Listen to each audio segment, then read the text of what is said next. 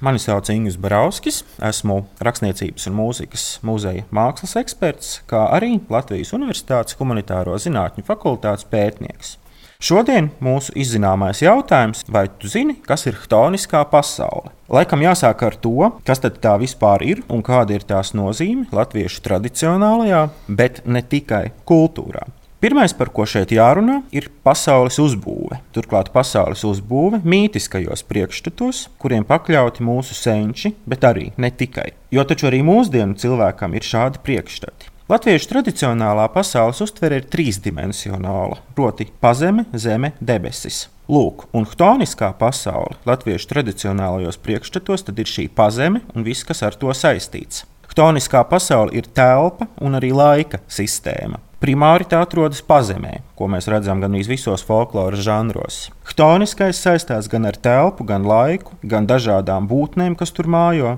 Chtoniskais laiks latviešu mītiskajos priekšstatos ir sarežģīts. Tas ir bezlaiks. Laiks, kas ir cikliski, laiks, kur atskaites punkti ir piemēram trejdeviņas dienas un naktis. Laiks, kurā folkloras tekstu varonis nonāk chtoniskajā telpā, kur viss notiek citādi, kur nav lineārā laika. Chtoniskā telpa tāpat ir sarežģīta, neparasta, mazliet biedējoša. Zilas zīda, zāles pļavas, raganas būda mežā, pazemes mežs, purvs un daudzas citas lietas. Faktiski no vienas puses tāda pati telpa kā reālā vide, bet no otras tajā vienmēr ir kaut kas tāds, kas nav uz zemes, un kur varonis nonāk, lai izcīnītu cīņu un izturētu iniciācijas procesus. Būtnes chtoniskajā pasaulē mitinās dažādi tēli, kur funkcijas ir ambivalentas. Bīstami, bet ja pret tiem izturas pareizi, tad tie var būt arī labvēlīgi. Turklāt chtoniskās telpas būtnes ir saistītas ar tik nozīmīgām lietām kā zemes auglība, pārticība, piemēram, krupis,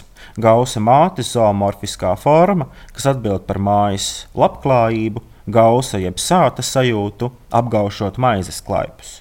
Vienlaikus tas ir dabas pasaules tēls, kam pretī stājas kultūras pasaule, kur gausa māte tiek iemesta krāsnī, iznīcināta, lai pārtika netiktu apgausta, jo tad var vairāk apēst. Chtoniskajā pasaulē folkloras tekstos mitinās arī vēlni, veļi, māži, mirons, puķi un sumpurģi, kā arī vēl citas bīstamas un netik bīstamas būtnes.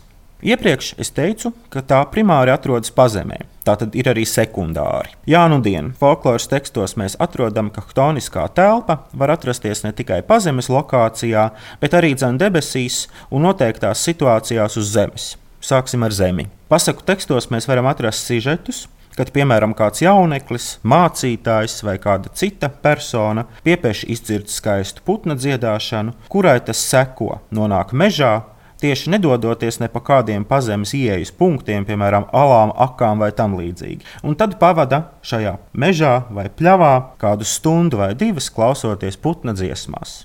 Kad cilvēks iznāk no šīs telpas daļas, izrādās, ka ir pagājuši jau simtiem gadu, un neviens viņu vairs nepazīst. Chtoniskā telpa un chtoniskais bezlaiks ir iedarbojušies uz šo tēlu, jo kas chtoniskajā pasaulē ir mirklis, tas reālajā var būt gadi.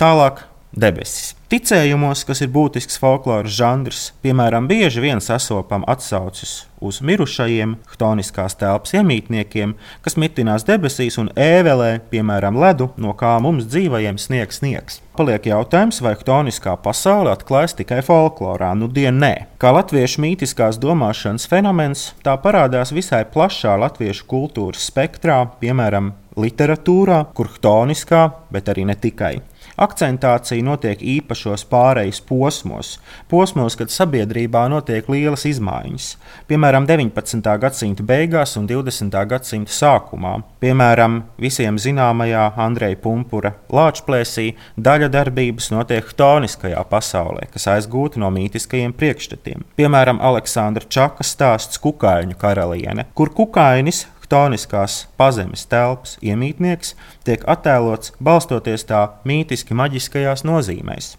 Sevišķi īpatns fenomens notiek 20. gadsimta 60. un 70. gados, kad dzējā izteikti ienāk chtoniskie tēli, arī veidojot tā saucamo ezopa valodu. Jo, piemēram, chtoniskie dzīvnieki, kuru simbolika ir samērā plaši izmantota šajā laikā, nav piesaistījuši cenzūras uzmanību. Saka, lai jau raksta par krupģiem, vardēm, ķirzakām, čūskām un pūķiem. Šeit jāpiemina arī kanona atslābums, kas šajā laikā literātiem ļauj jau brīvāk izteikties. Piemēram, Imants Ziedoņa, Māra Čaklā, Ojāra, Vācieša, Velgas, Kriles, arī Ārijas, Elksnes, Jāņa Petera, pat Mirdzas ķempes dzējā ir tiešas atsauces uz folkloras tekstiem, gan arī netiešas, pavēršot šos simbolus pilnīgi citā lasījumā, un tas ļauj dzēju lasīt daudzdimensionāli. Tomēr, saglabājot no mītiskajiem priekšstatiem nākušo ambivalento chtoniskās telpas un tās iemītnieku dabu, dzīvības, nāves un atzimšanas simboliku. Šī tēma ir plaša un sarežģīta. Katrā ziņā latviešu folklora un mītiskie priekšstati